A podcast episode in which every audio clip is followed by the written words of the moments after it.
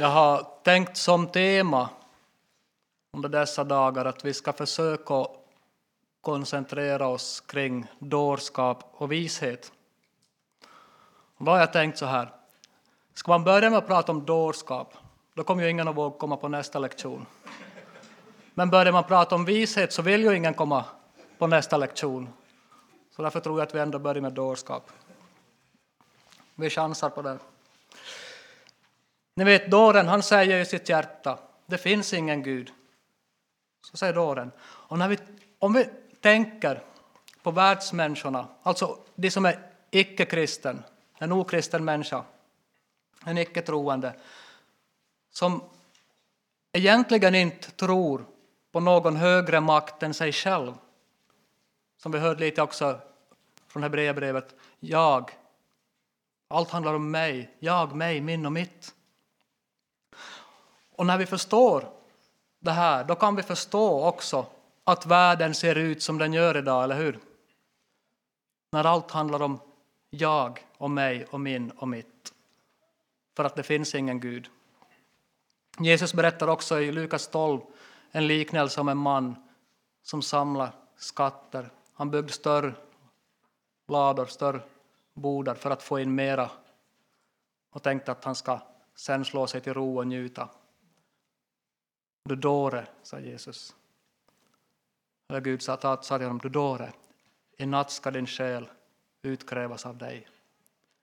Och så går det för dem som samlar skatter. Det är alldeles som, som en, en, eh, det var en predikant som var i Finland och han, han var ute på promenad och så kom han till ett stort köpcenter och såg en ung, ung flicka som stod och tittade in i köpcentret. Och, och när han kom närmare så såg han att det rann stora tårar från hennes kinder och så tänkte han att oj, kära någon. Så han gick fram till henne och frågade hur är det fatt, unge dam? Då sträckte hon ut armarna och frågade är det här allt? Är det här allt? Han säger eh, vet ju inte jag, du, du måste ju få in och fråga personalen. jag har ju ingen koll, sa han.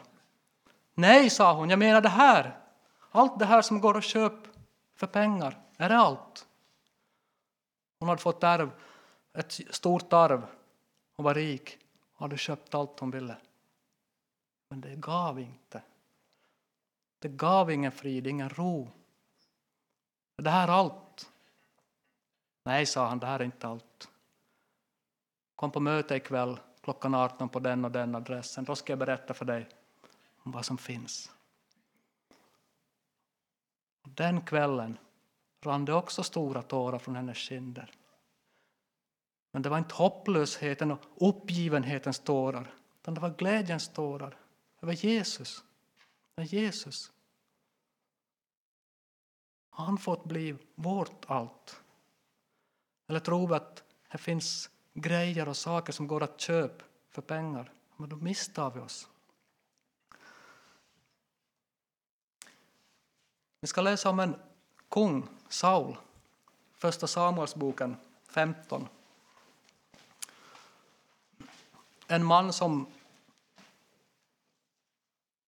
Vi kan säga att han börjar ju så bra och sen går det utför. Och jag tänkte om vi kunde se varför. Det blir lite liknande tänker jag, som, som i föregående från Hebreerbrevet 4. Men kanske inte gör någonting att vi får en påminnelse om hur det kan gå, fast det börjar så bra. Ja, första Samuelsboken kapitel 15. Jag läser i Jesu namn från vers, från vers 10.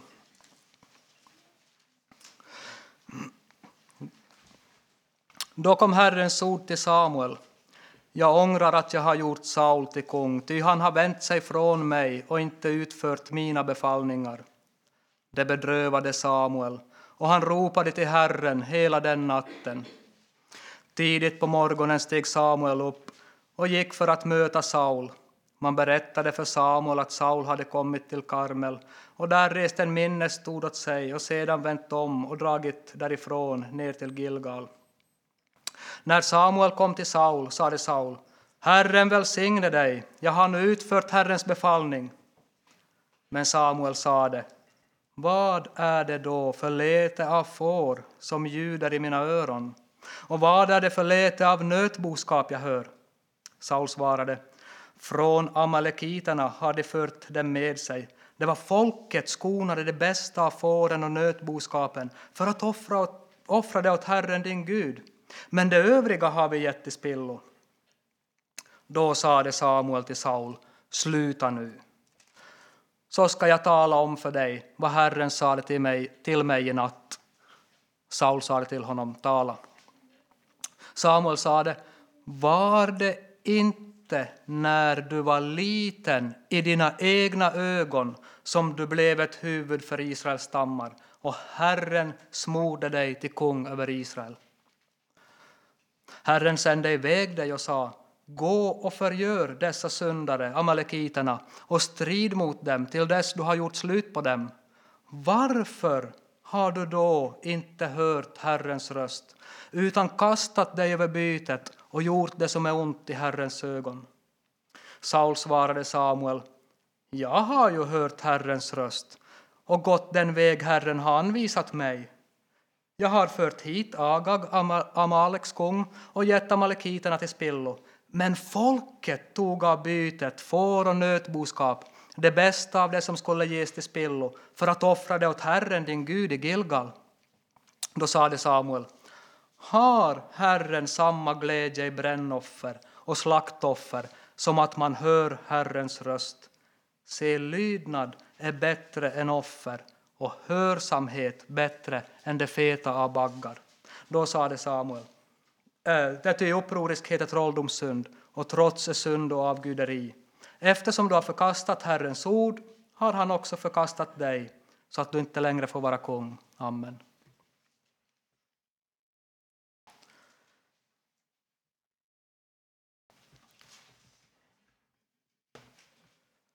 Okej, en kort, kort bakgrund.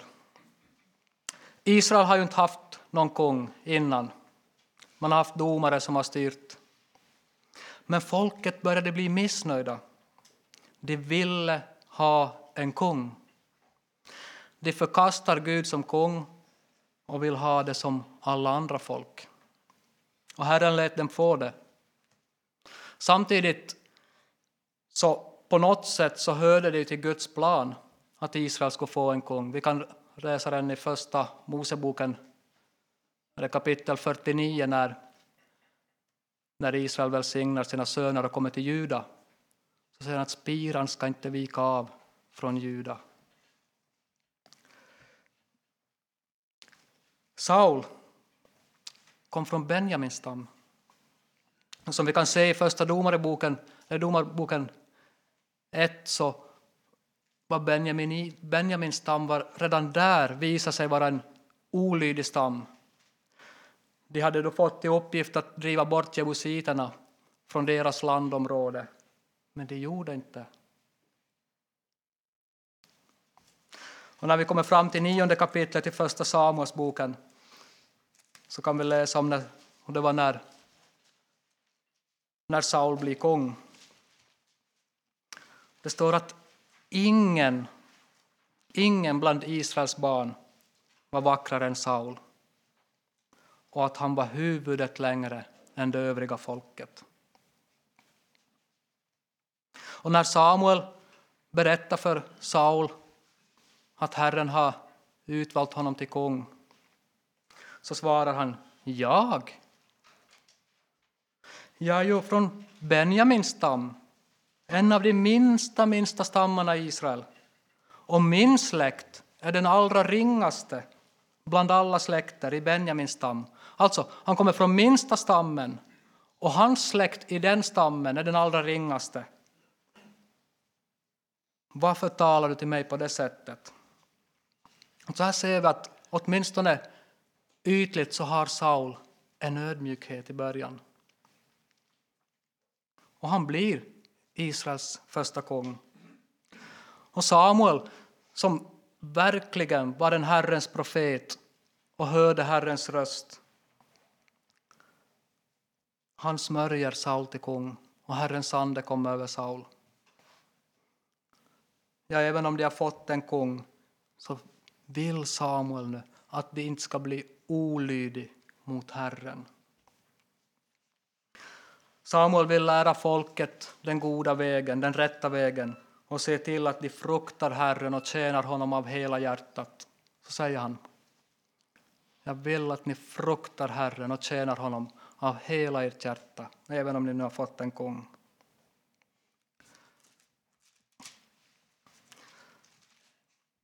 Sen kan vi hoppa fram till trettonde kapitlet.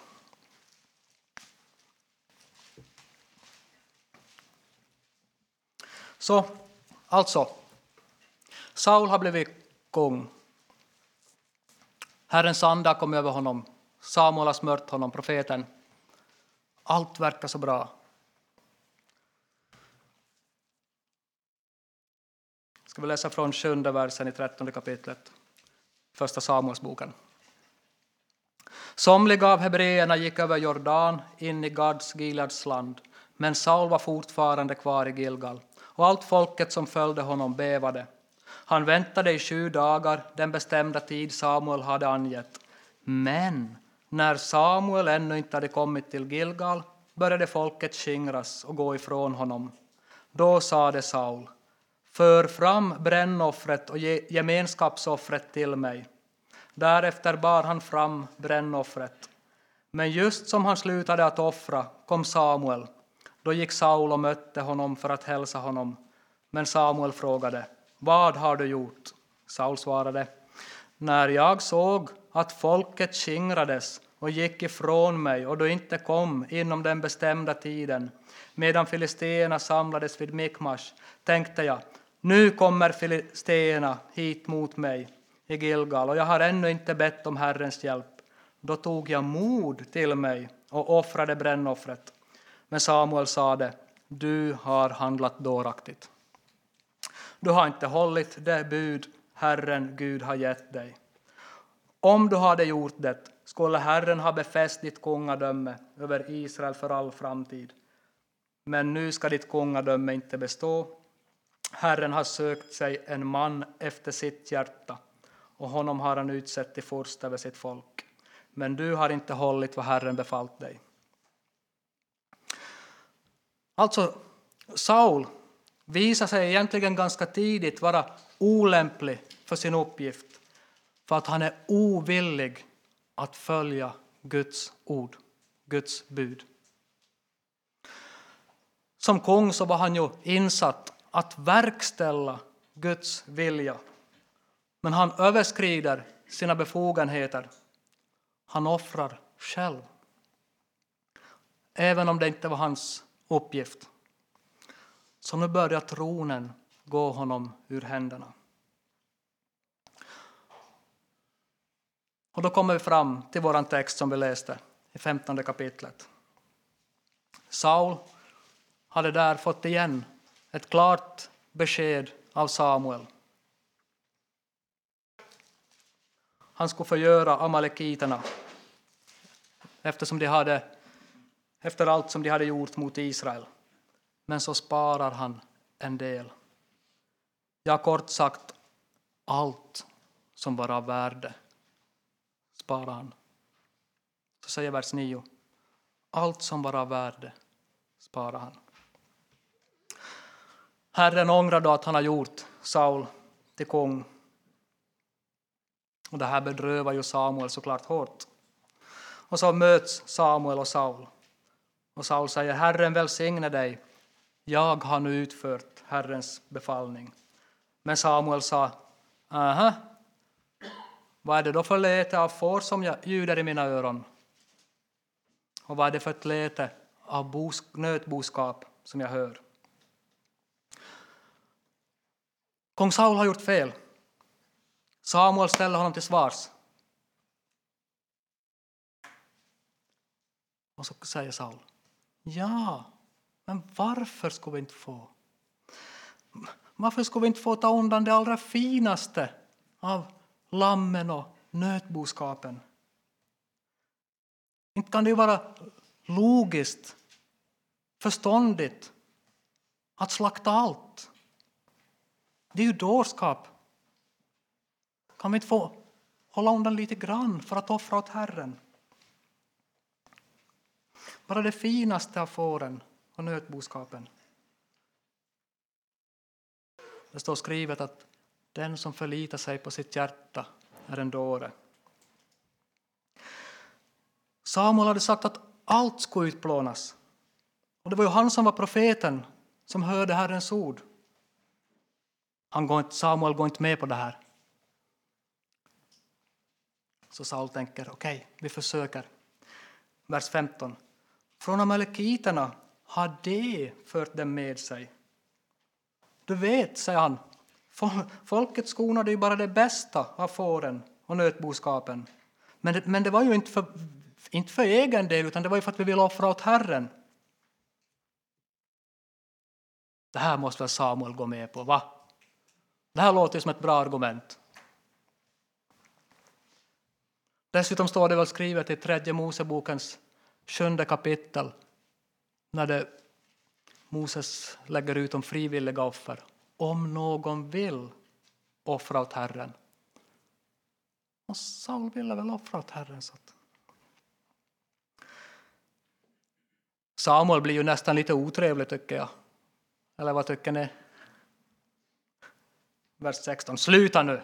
Slut nu, säger Samuel. Nu räcker det. Nu ska jag tala om för dig vad Herren sa till mig i natt. Och Saul säger tala. Samuel sa, var det inte då, när du var liten i egna ögon, som du blev ett huvud för Israels folk? Och Herren smorde dig till kung över Israel. Var det inte då, när du var liten i egna ögon? Vet ni, om ni läser Första Samuelsboken 3, då ska ni få får vi en undervisning om när Samuel lär sig att höra Herrens röst. Han var verkligen profeten som hörde Herrens röst. Och första Samuelsboken 3, verkligen ett kapitel som är värt, vi ska inte gå in på det, för, men, men är verkligen ett kapitel som är värt att läsa. För ni vet, det står skrivet att, att Samuel levde under en tid när Herrens ord var ovanlig. Det är ju märkligt kan man tycka. Han bor ju i, tillsammans med prästen Eli. Där Herrens förbundsark var, var ju väl antagligen någon form av blandning mellan tabernakel och tempel man hade byggt, för man hade ju dörrar men fortsättningsvis så var det ett tabernakel. Och han sov så att han hörde Herrens röst när han pratade från förbundsarken in i det allra heligaste.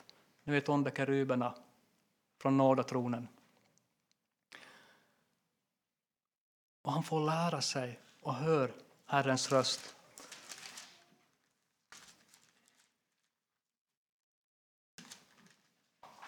Och det står bara skrivet i sista versen i tredje kapitlet att, att Herren fortsätter att visa sig i Silo Ty Herren uppenbarade sig för Samuel i Silo, och så hör, genom Herrens ord.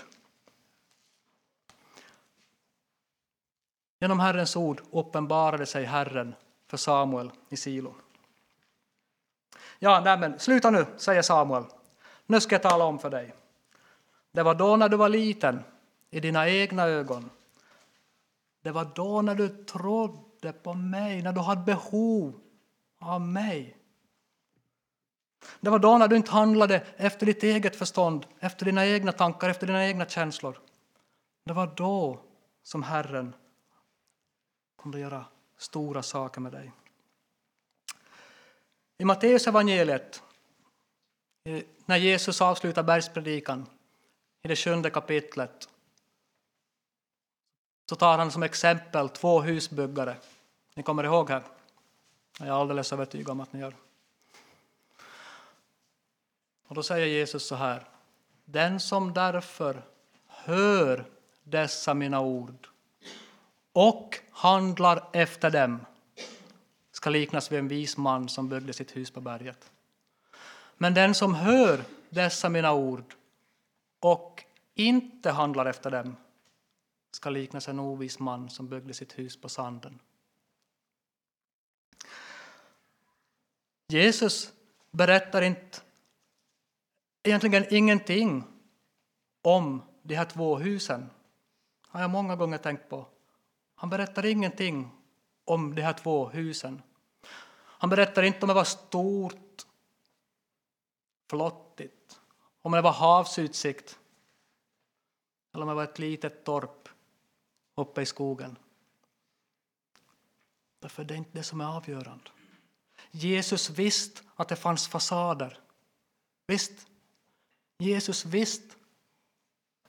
Och Jesus vet att det finns fasader som kan se stort och vackra ut. Ja, till och med huvudet längre än det övriga folket och vackraste barnet i hela Israel.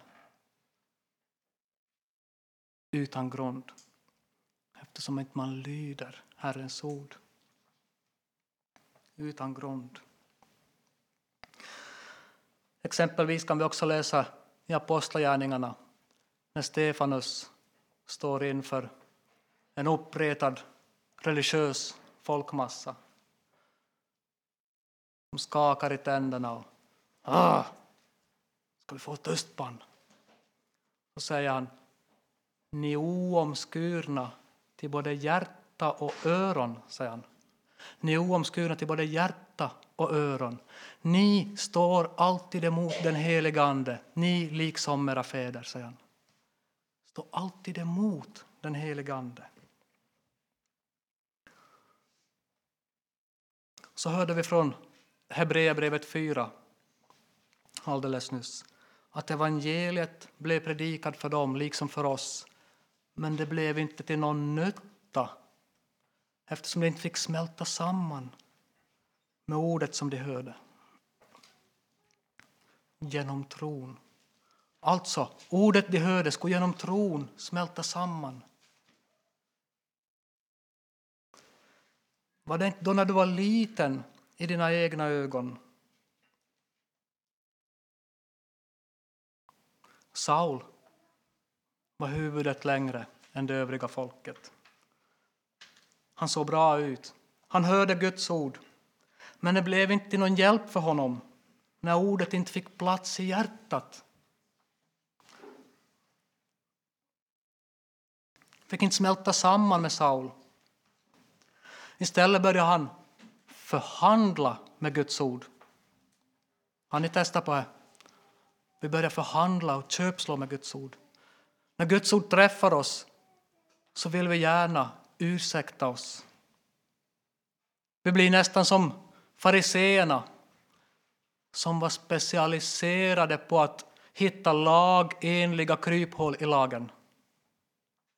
Att hitta lagenliga kryphål i lagen. Jag vet inte, men ni vet, eh, vart sjunde år enligt Mose lag så behöver man låta åkern vila. Man får inte så någonting på åkern var sjunde år. Och det finns ortodoxa judar idag som försöker att tillämpa det här. Men då gör de så att när sjätte året går mot sitt slut så bildar de ett bolag och så säljer alla sina åkrar till bolaget. Och så får bolaget använda åkrarna det sjunde året.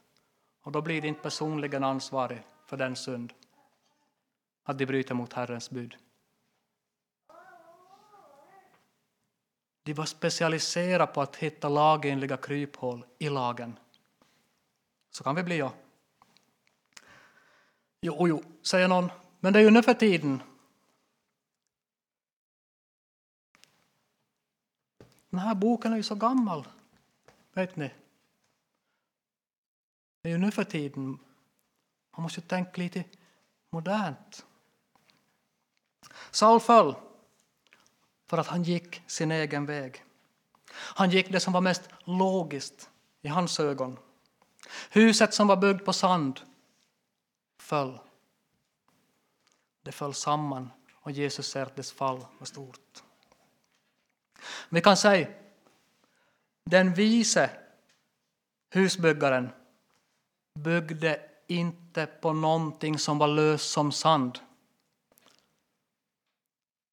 Alltså, Han byggde inte på egna känslor, inte på någonting som kan tillskrivas jag, mig, min eller mitt. För om vi är helt ärliga mot oss själva så är jag föränderlig. Visst? Visst är jag föränderlig. Jag kan förändras. Lika lös som sand. Går inte att bygga på. Håller inte. Det är inget smicker när Jesus undervisar oss om det här. Och någon kanske tänker att kan det verkligen vara så allvarligt att vara människa? På riktigt, kan det verkligen vara så allvarligt? Att jag börjar så bra och så slutar allt som Saul eller som det här husbygget som föll ihop. Ja, det kan ske när vi börjar bygga någonting på oss själva. När vi börjar bygga våra liv på drömmar och illusioner istället för på sanningen. Vi kan svepas in och föras iväg hur långt som helst av känslorna, de egna tankarna. Men Jesus menar att vi kan höra. Vi kan handla och vi kan förstå sanningen. Så häng med nu. Det är alltså inte den framgångsrike, den viljestarke, den duktiga, det fina, det pråliga, det skrytsamma huset som står. Inte ens om det är huvudet längre än det övriga folket och det vackraste barnet i Israel. Det är inte ens den som är mest religiöst korrekt som består. Det är inte den som är visast och klokast i människoögon. Det finns mäktiga makter som gärna värderar oss människor enligt vad vi gör. Framgång, ytlighet. Saul fick tillrättavisning av Samuel, men han tog inte vara på den. Han försvarade sig. Han försvarade sig själv och det han hade gjort istället för att omvända sig. Stolthet kallas det på svenska. Men att lyssna till Guds ord, just det. Det var ju så allt började. Kommer ni ihåg? Var det inte då? Varför har du inte hört Herrens röst? frågar Samuel. Varför har du inte hört Herrens röst? Saul försökte ännu slingra sig och påstår att han visst hade hört Herrens röst och gått den väg.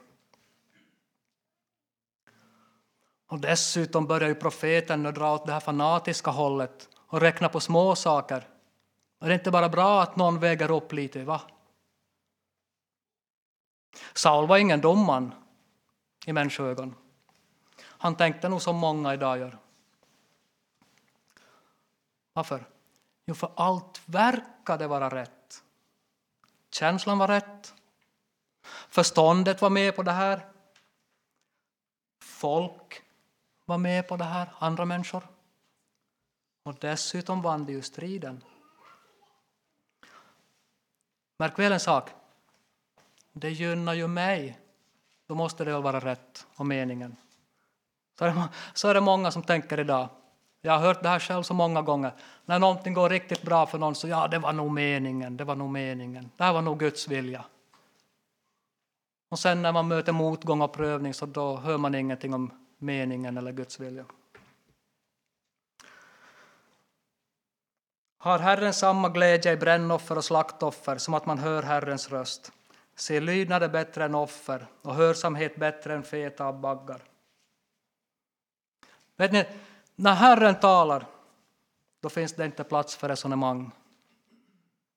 Visst inte? När Herren talar finns inte plats för resonemang. Hörsamhet och lydnad är bättre än offer. Men kanske någon tänker då, hur?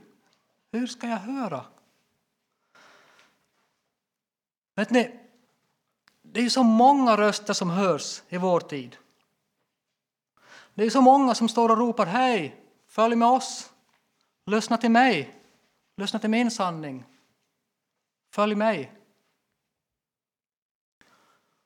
Också från det egna hjärtat verkar det höras flera olika röster. Man ibland undrar vilken röst ska vi följa? Då säger Jesus så här. Mina får hör min röst. Mina får hör min röst och jag känner dem och de följer mig. Okej? Okay? Är ni med? Mina får hör min röst, säger Jesus, och jag känner dem och de följer mig.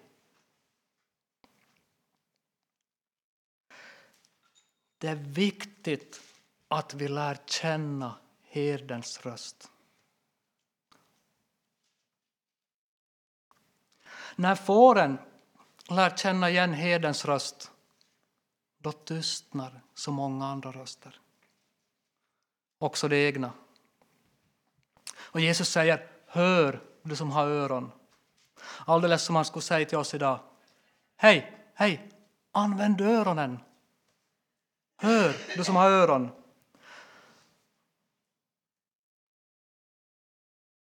Om vi... Vet ni, öron, väldigt speciell uppfinning. Här måste jag säga, vi, vi hör med öronen, men det hjälper också till att hålla balansen. Men visst, nej, visst. Det hjälper till att vi håller balansen. Och jag tror det är lika med de andliga öronen. Vi hör med dem för att hålla balansen. Med de andliga öronen. Vet ni, jag har någon gång sagt att vet ni, redan ett litet barn som är i magen på mamma så lär känna igen föräldrarnas röst. Så att när de kommer ut så känner de sig trygga tillsammans med föräldrarna. För att de har lärt att känna igen förälderns röst. Men så växer de upp ganska snabbt, allt för snabbt. Och så börjar det höras andra röster från media, kamrater. Röster som vill få den bort. För sanningen är den att vi påverkas av de röster vi hör.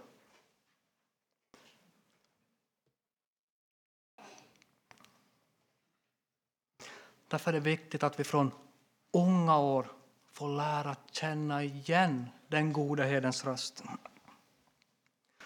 Redan när Jesus gick vid den galileiska sjön så säger han bara två ord till Simon och Andreas. Följ mig, säger han. Följ mig. Och vet du, de var så redo.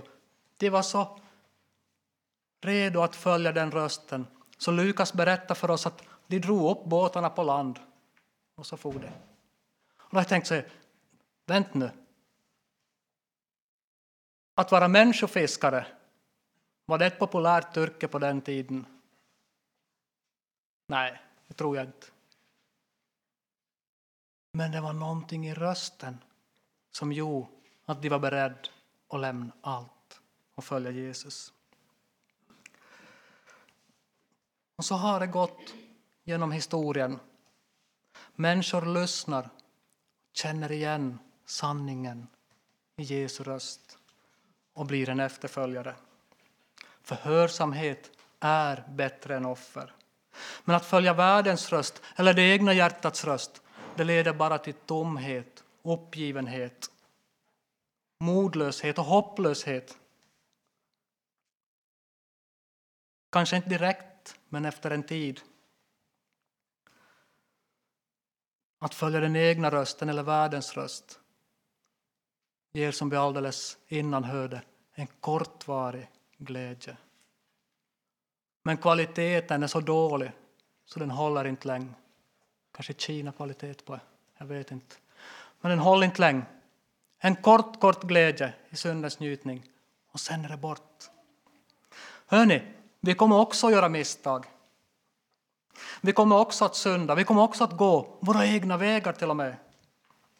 Det står skrivet, alla gick vi vilse som får, var och en gick vi vår egen väg.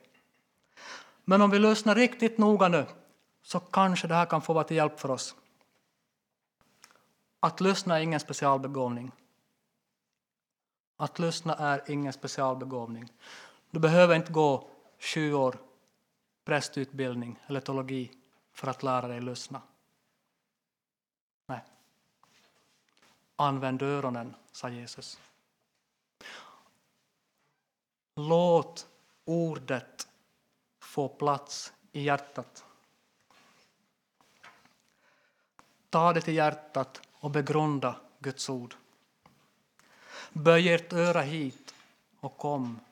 Lyssna så får er själ leva. Då ska ni få nåd.